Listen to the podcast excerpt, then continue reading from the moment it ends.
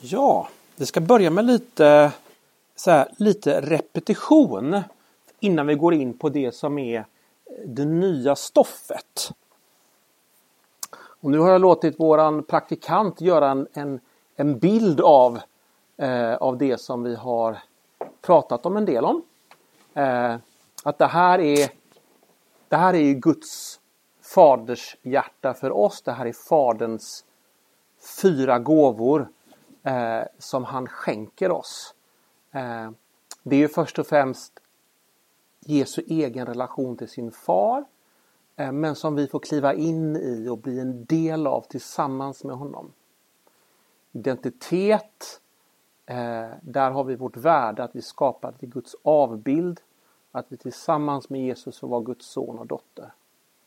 Kärlek. Det innebär att, att Guds kärlek är ett skydd för vem vi är. Det är en trygghet att luta oss mot.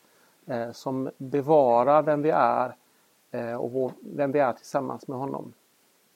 Välbehag och motivation handlar om att Gud ser på oss med glädje. Han är stolt över oss. Eh, och därför så kan vi drivas av, inte främst vad andra människor tycker och tänker och förväntningar utan, utan därför att vi vill göra det som glädjer honom. Eh, och uppdrag eller plats. Han har en kallelse för oss och våra liv. Det stora för alla är ju att ta hand om Guds värld i Guds namn. Ehm, men vi har ju också inom det våra egna vägar. Ehm, och allt detta, ett annat sätt att, att allt det här ges oss också genom eh, det som vi också pratat om genom rättfärdiggörelse, genom tro. Det här är innehållet i det som ges oss när vi är frikända, förlåtna och i förbund i gemenskap med Gud. Det är innehållet i att det här som vi har pratat om lite grann, att, att vi blir rättfärdiggjorda, rättfärdigförklarade. Eh, och nu ska vi titta lite grann på hur det här faktiskt fungerar i praktiken. Eh, jag har lagt in några sådana här. Inspelning upphör. Eh, för att man ska kunna göra en paus eller ställa frågor och så ska, ja, lite sådär. Eh, ni får jättegärna ehm, eh, ställa frågor och avbryta mig när som helst och, och sådär. Eh, det går alldeles utmärkt.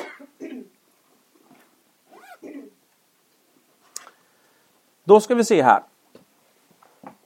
Eh, det här är en bibelberättelse som illustrerar detta och hur det går till att få detta i praktiken. Eh, och det här är hämtat från Lukas evangeliet 19 kapitlet.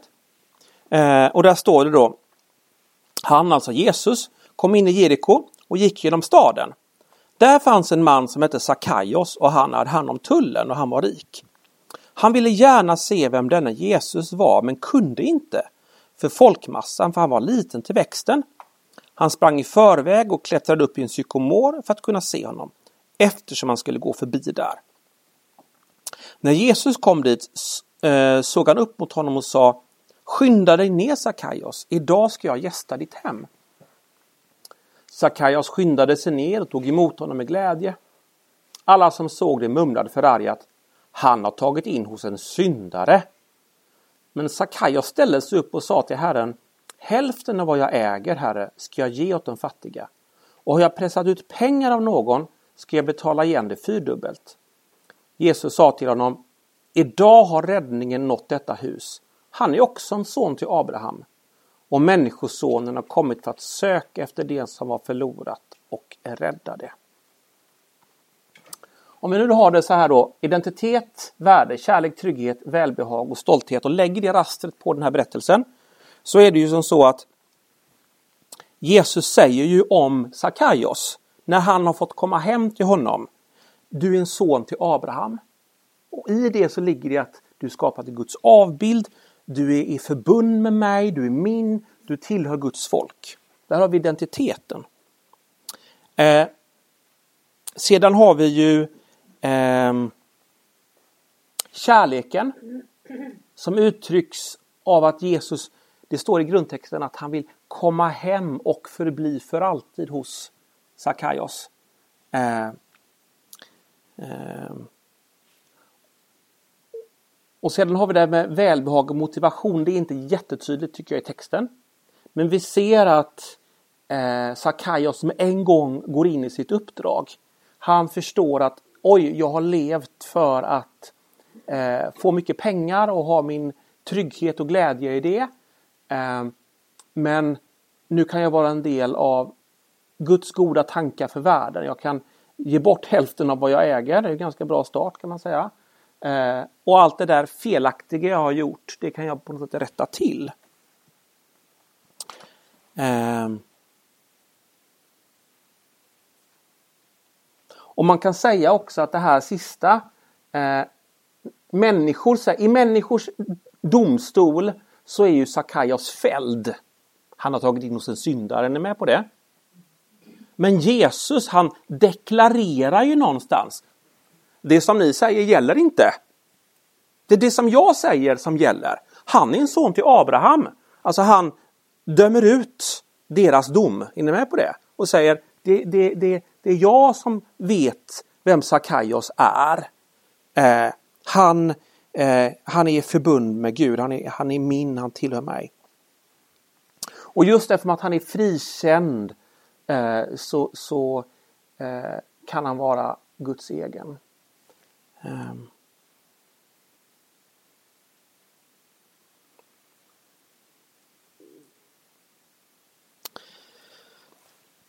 Nu, kära vänner, eh, så ska vi gå in på det som är dagens specifika ämne. Men jag ska innan vi på något sätt tar det mer eh, exakt så, och, och, jag förklarar lite grann så, så, så, så, ska vi bara göra det här som jag sen ska lägga ut lite mer.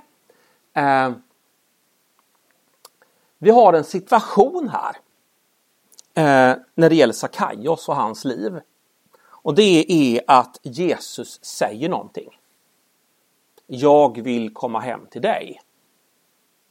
Den situationen, den händelsen utlöser någonting i Sakaios liv. Han får en tanke. Den tanken vet vi inte vad den är, för det står ju inte. Men det kan ske någonting i stil med jag är förlåten eller jag är sedd eller jag är älskad eller jag är viktig. Det är någon form av tanke han får. Är ni med? Det måste vara så. Eh, däremot så finns känslan med. Han blir glad. Eh, och Det signalerar nog att han, det här kom ganska oväntat. Han hade inte väntat sig detta. Sedan har vi någonting som händer med hans kropp. Han skyndar sig ner. Eh, och det vet vi ju inte heller, men vi kan tänka oss att han sträcker lite på sig. Eh, han reser sitt huvud, han går med lätta steg. Och sedan så handlar han.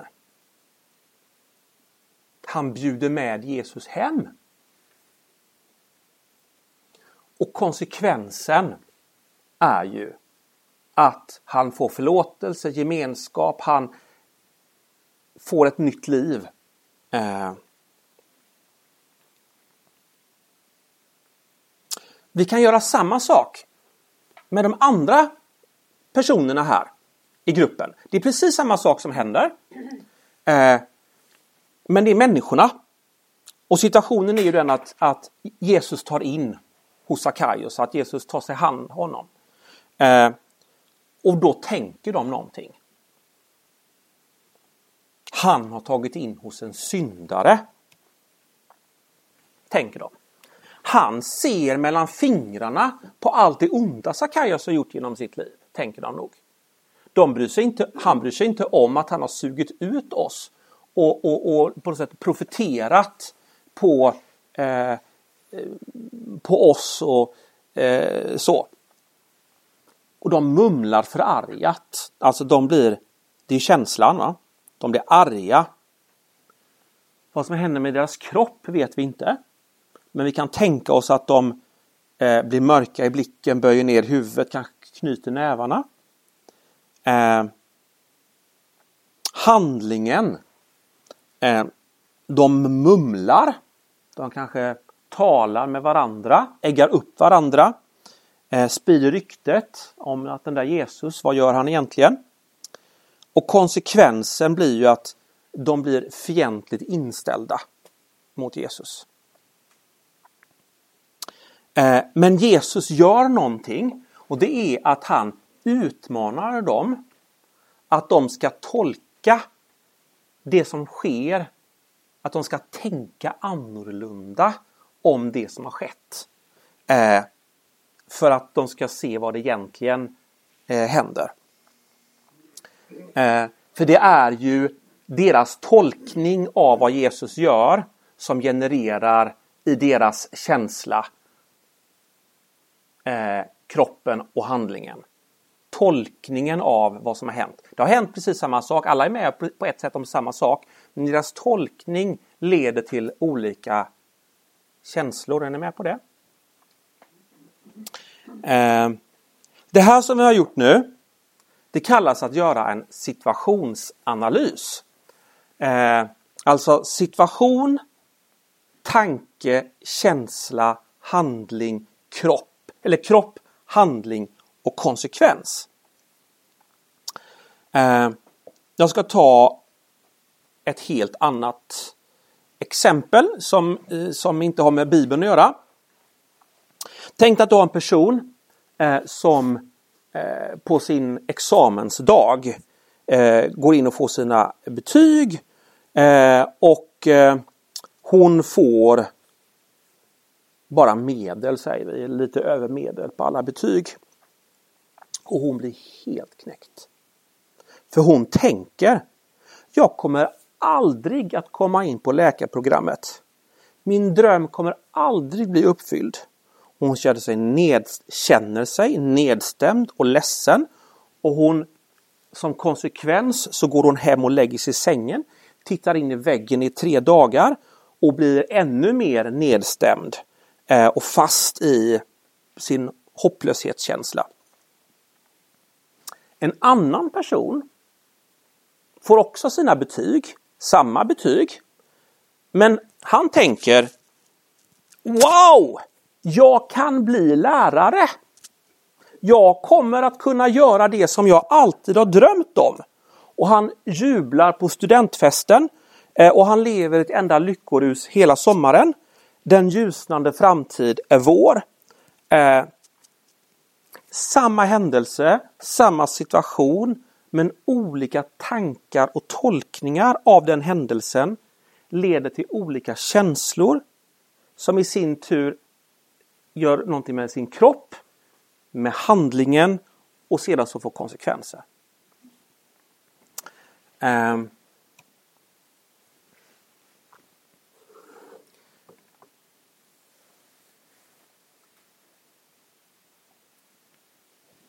Jag ska ta något, någonting här.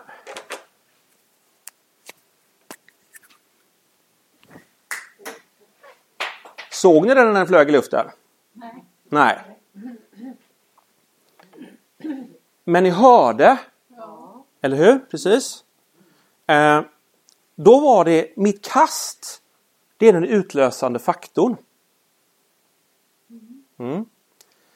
När den flyger genom luften, det är tanken. Den ser vi ofta inte. Men vi märker av effekten av tanken. Som är känslan.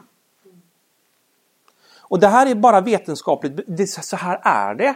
Att vi upplever många gånger att känslan kommer före tanken. Men det är alltid tvärtom. Men tanken går så fort genom vår hjärna så att vi registrerar den inte. Och Det har att göra med att hjärnan är plastisk. Eh, så de tankarna som vi har tänkt många gånger eh, de går så fort genom vår hjärna så vi registrerar dem inte. Utan det är först när vi känner att någonting har hänt som vi så att säga eh, eh, Tack. Eh, som, vi, som vi reagerar. Så alltså, det är alltså alltid en situation, en trigger eh, som utlöser en tanke och den tanken är en tolkning av det som har hänt och det kan gå superfort och det leder till en känsla Eh, och den känslan leder mer eller mindre till en kroppslig reaktion eh, som leder till att vi handlar på det ena eller andra sättet. Eh, som, i, som i sin tur får olika konsekvenser. Dels på kort sikt och lång sikt. Eh,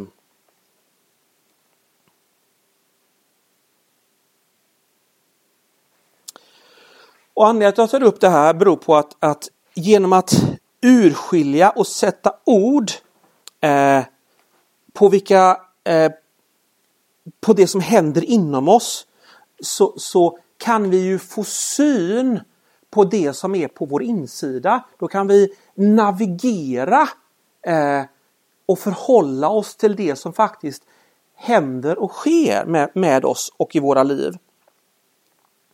Eh, och vi kan ställa oss frågan om vår tolkning av situationen faktiskt är den korrekta.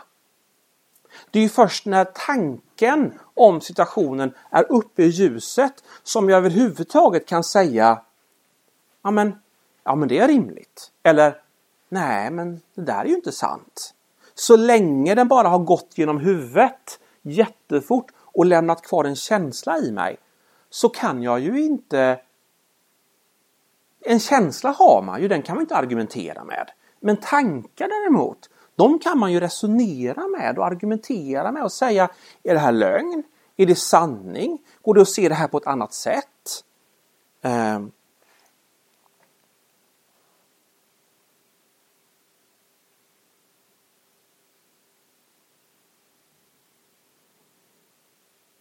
Och sedan är det också så att om, om vi inte kan se vilka tankar vi har och vilka känslor det, det genererar så kommer vi bara bli styrda av våra känslor. Det är inte vi som sitter i båten och styr vårt skepp dit vi vill utan vi blir ju bara någonting som, som sköljs så här hit och dit. Om vi ska vara kapten i vår egen båt så behöver vi förstå eh, hur det här hänger ihop. Eh, vi behöver ha koll på det som är vår insida och kunna urskilja inom oss vad som är vad. Och det här är ganska svårt idag. Och också därför att vi till stor del blandar ihop två saker, nämligen tanke och känsla. Vi säger ju ofta så här eh, när du gör, det, där, det där känns inte bra. Men vad den egentligen menar, jag tänker att det där inte är bra. Men vi säger ju hela tiden att vi känner när vi egentligen menar att vi tänker. Och varför gör vi det? Jo, därför känslor kan man inte argumentera med. Om jag känner någonting, nej men så känner du inte. Jo, men det känner jag. Och därmed så behöver vi inte ta ansvar för hur vi tänker, för jag känner ju. Är ni med på det? Eh, och, och då får vi ett alibi för att liksom, det blir ett sätt att, att få igenom vår vilja många gånger. Eh, så att vi, vi och när den här sammanblandningen blir jätteproblematisk och det, och det gör att vi inte heller kan, kan, eh, kan resonera med oss själva och med varandra. Eh, för så fort man har sagt jag känner, ja, ja okej okay, jag lägger mig platt, ja, du känner, ja, men det kan man inte resonera med. Eh, och då kan man inte heller resonera med sig själv. Eh,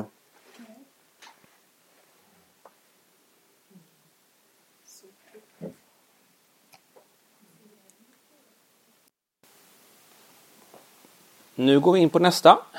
Tolkningar och känslor. Alltså varför känner vi som vi känner i förhållande till den tolkning vi gör? Då är det så här att vi lever alla med en med olika mål, saker som vi vill uppnå, saker som är viktiga för oss. Vi har alltså, vi lever alla i någon, någon form av, antingen medvetet eller, eller omedvetet, i en form av berättelse. Eh, där vi tänker att någonting har hänt, det är en viss situation och vi är på väg någonstans.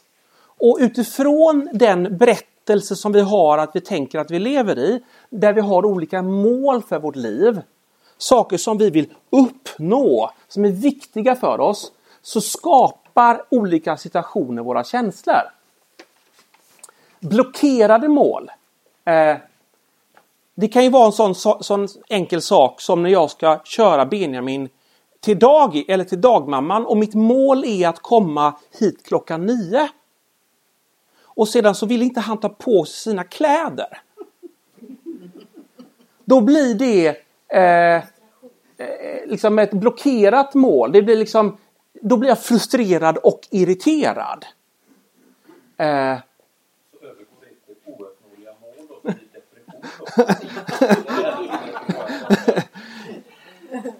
Vi tar dem en sänder. Eh, osäkra mål. Det är ju det här, tänk om jag inte kommer att lyckas med min föresats. Eh, eh, jag menar, provet, det är väl väldigt enkelt att lyfta fram. Eller, eller eh, jag, i mitt arbete så ska jag tala inför de andra lärarna eller, eller någonting som alla dessa både stora och små livsmål. Vi undrar, kommer det bli som jag tänker är det bästa? Och i de osäkra så blir det oro och ångest. Ouppnåeligt mål, då tänker man så här att det här kommer, det här kommer det är stängt. Eh, då blir jag nedstämd. Eh, och är det tillräckligt ett, ett stort livsmål för mig, eh, då kan jag hamna i, i depression. Eh, som den här exemplet inledningsvis. Eh, den som ville bli läkare och så hade de bara medelbetyg. Då är det ett ouppnåeligt mål. Jag kommer aldrig nå min livsdröm. Och så blir man nedstämd. Nu är det så smidigt att jag spelar ju in det här. Så går ni in på den där länken som jag skickar till er hela tiden. Så ser ni det liksom. Eh, så. Eh, misslyckade mål. Jag försökte eh, klara av en sak. Men Eh, jag misslyckades med mitt mål, då känner vi skam. Eh, om det är ett möjligt mål, åh jag sitter och jobbar med det här, det ska bli så spännande. Hur ska det gå här med, med, med, med betakursen? Jag ska ha ett nytt, eh, eh nytt upplägg här. så. Eh, förväntan, nyfikenhet, intresse. Eh, och efter ikväll så känner jag glädje och lättnad för det gick ju ganska bra. så. Eh,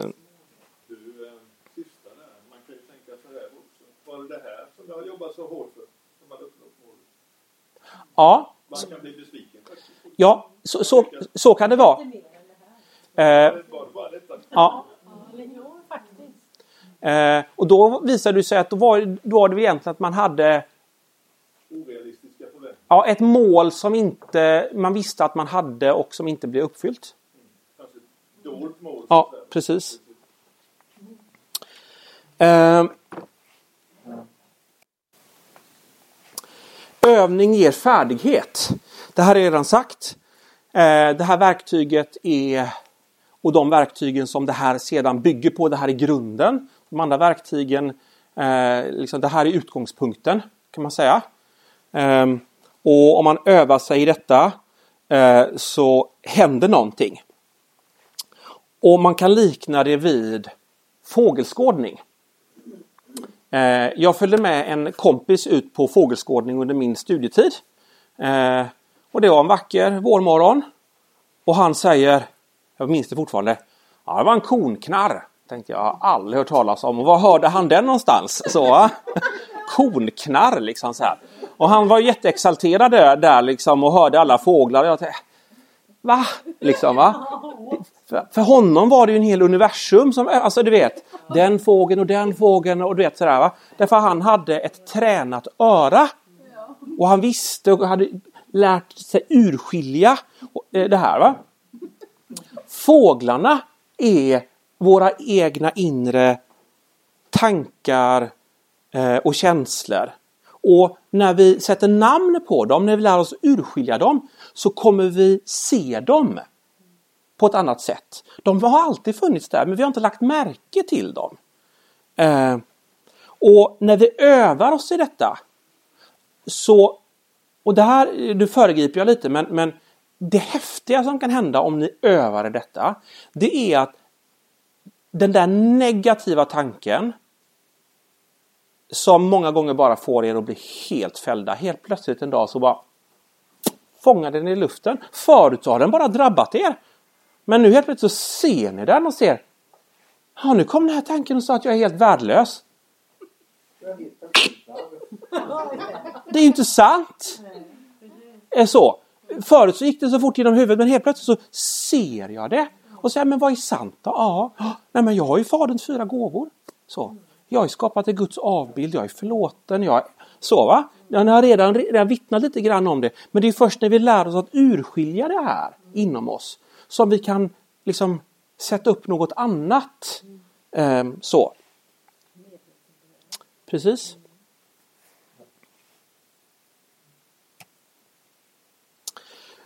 Jag har redan börjat på varför situationsanalys. Men jag tänkte att vi ska ge lite mer Eh, eh, grund för det här.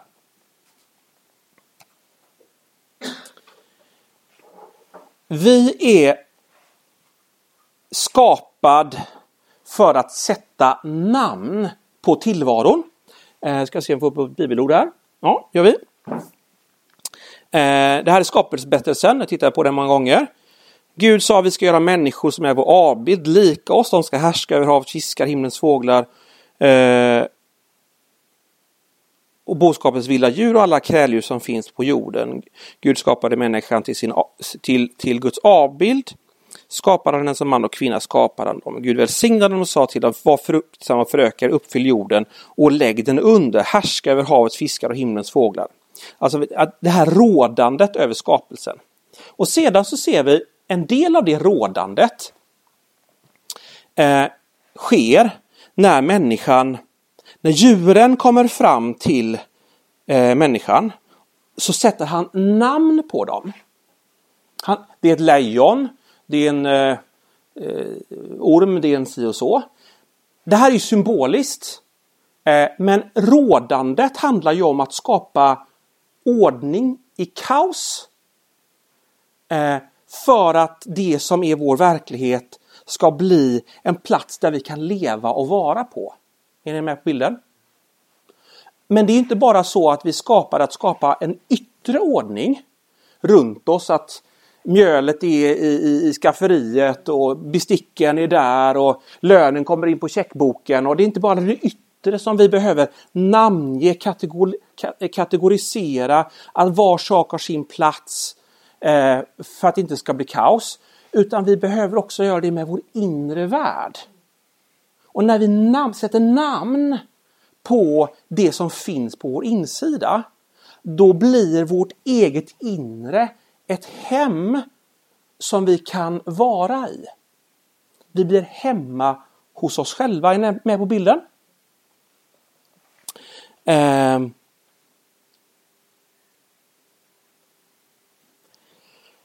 Och det börjar ju med att, att, att Gud skapar kosmos ur kaos. Han säger solen ska vara där, månen ska vara där, havet ska vara där. Eh, och sedan som Guds avbild så får vi samma uppdrag. Eh, eh, jag och min fru, vi har varit inne i eh, lite så här Känner, känner till ordet decluttering? Nej? Ja, det gör ni. Så. Lite så här, lite åt grann minimalisthållet sådär. Eh, men det bygger på, åtminstone den influensen som vi har hittat, eller hämtat ifrån, det finns säkert många olika tankar, så handlar det ju om att eh, skapa, att varje sak man har i hemmet ska ha sin plats och ha en given funktion i förhållande till det hem som vi vill ha. Vi vill ha ett hem som, är, är som vi trivs, som vi kan ha vänner, eh, som eh, är vackert eh, och genom att eh, ta bort massa överflöd som vi inte behöver och som bara stökar ner och, lägg, och låta varje sak ha sin plats så skapar vi ett hem som är harmoniskt. Eh, och på samma sätt så är det då för vår insida. Men jag kan faktiskt säga ja men den där, aha, det där handlar ju om det. Eh, då, då, då kan vi trivas i vårt eget inre på något sätt. Är ni med på bilden? Mm. Eh,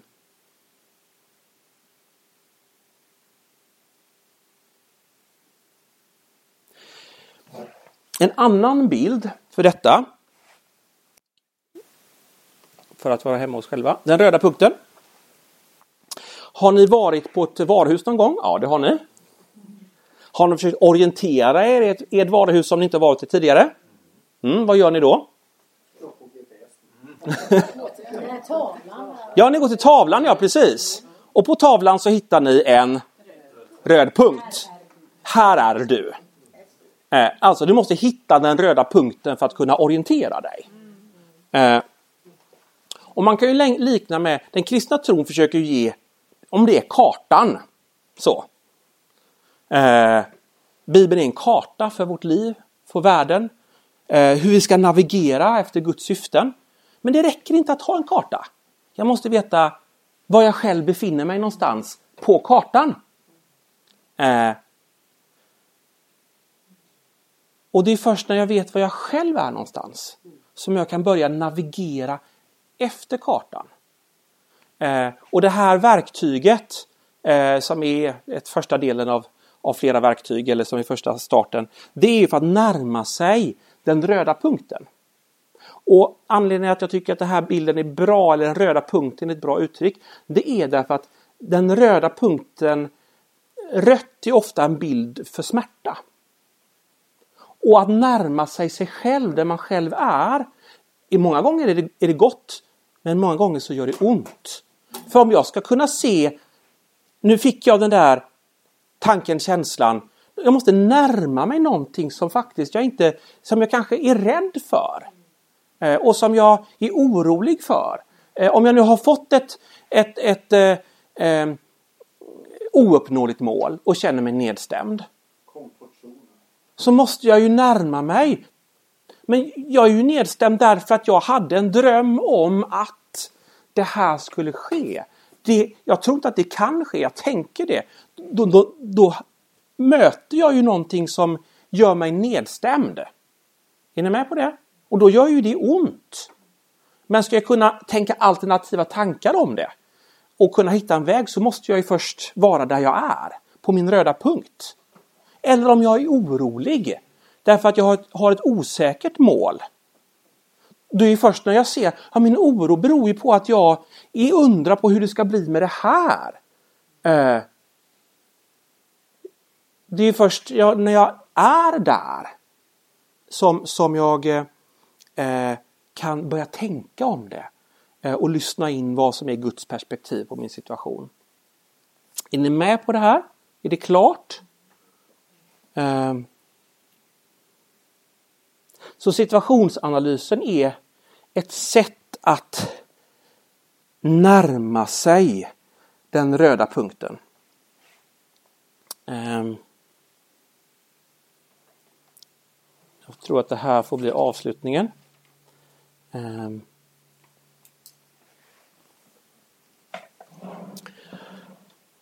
Vi är ju skapade i Guds avbild och en, och en sida av det, eller det innebär till stor del att vi är skapade för relation. Det var vi där vi började. Vi är skapade för vi kan bara finna oss själva och bli oss själva ifall vi får se in i en annan människas ansikte eller annan persons ansikte eller Guds ansikte som ser och älskar och bekräftar oss för dem vi är. Eh, det har ni hört förut, eller hur? Mm. Men för att det ska bli ett möte så måste den andra personen möta mig och jag måste möta den andra. Alltså, vi måste vara hemma hos oss själva för att det ska bli ett möte.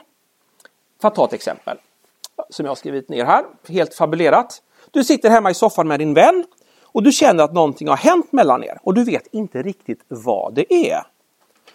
Du tänker, mm, jag kan kanske på något sätt ha sårat min vän. Så du frågar, har det hänt något? Och hon svarar, jo då, allt är okej.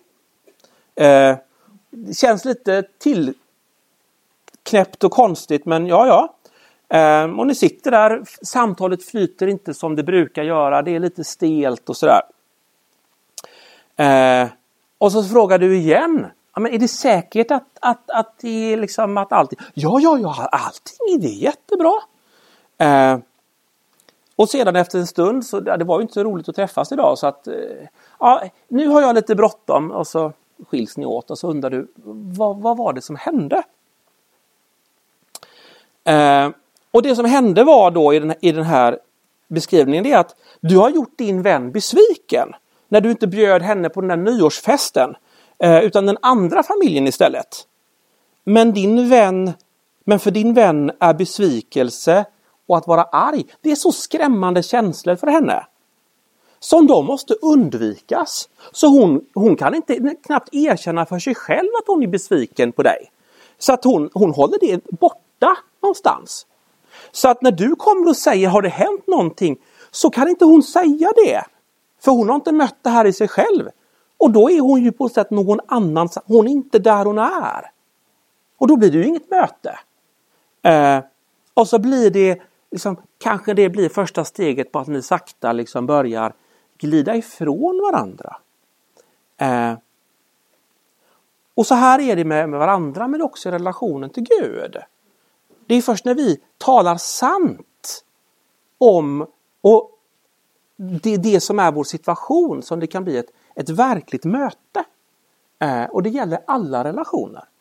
Eh, så situationsanalysen är en hjälp att hitta den röda punkten för att det ska kunna bli verkliga möten och verklig relation.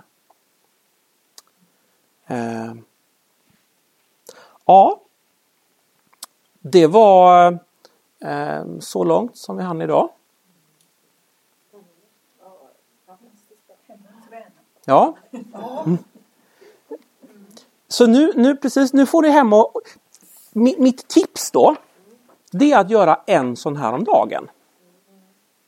Eh, och det kan vara, och det spelar ingen roll, det behöver inte vara hjärta smärta utan det kan vara eh, jag kände mig lite glad när jag såg att solen lyste.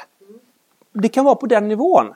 Så po poängen är inte att man behöver hitta det allra svåraste och jobbigaste, utan man bara övar sig.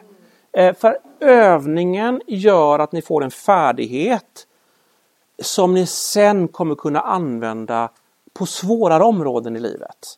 Till en början handlar det bara om att lära sig. Eh, så. Mm. Ska vi sluta med att, att be?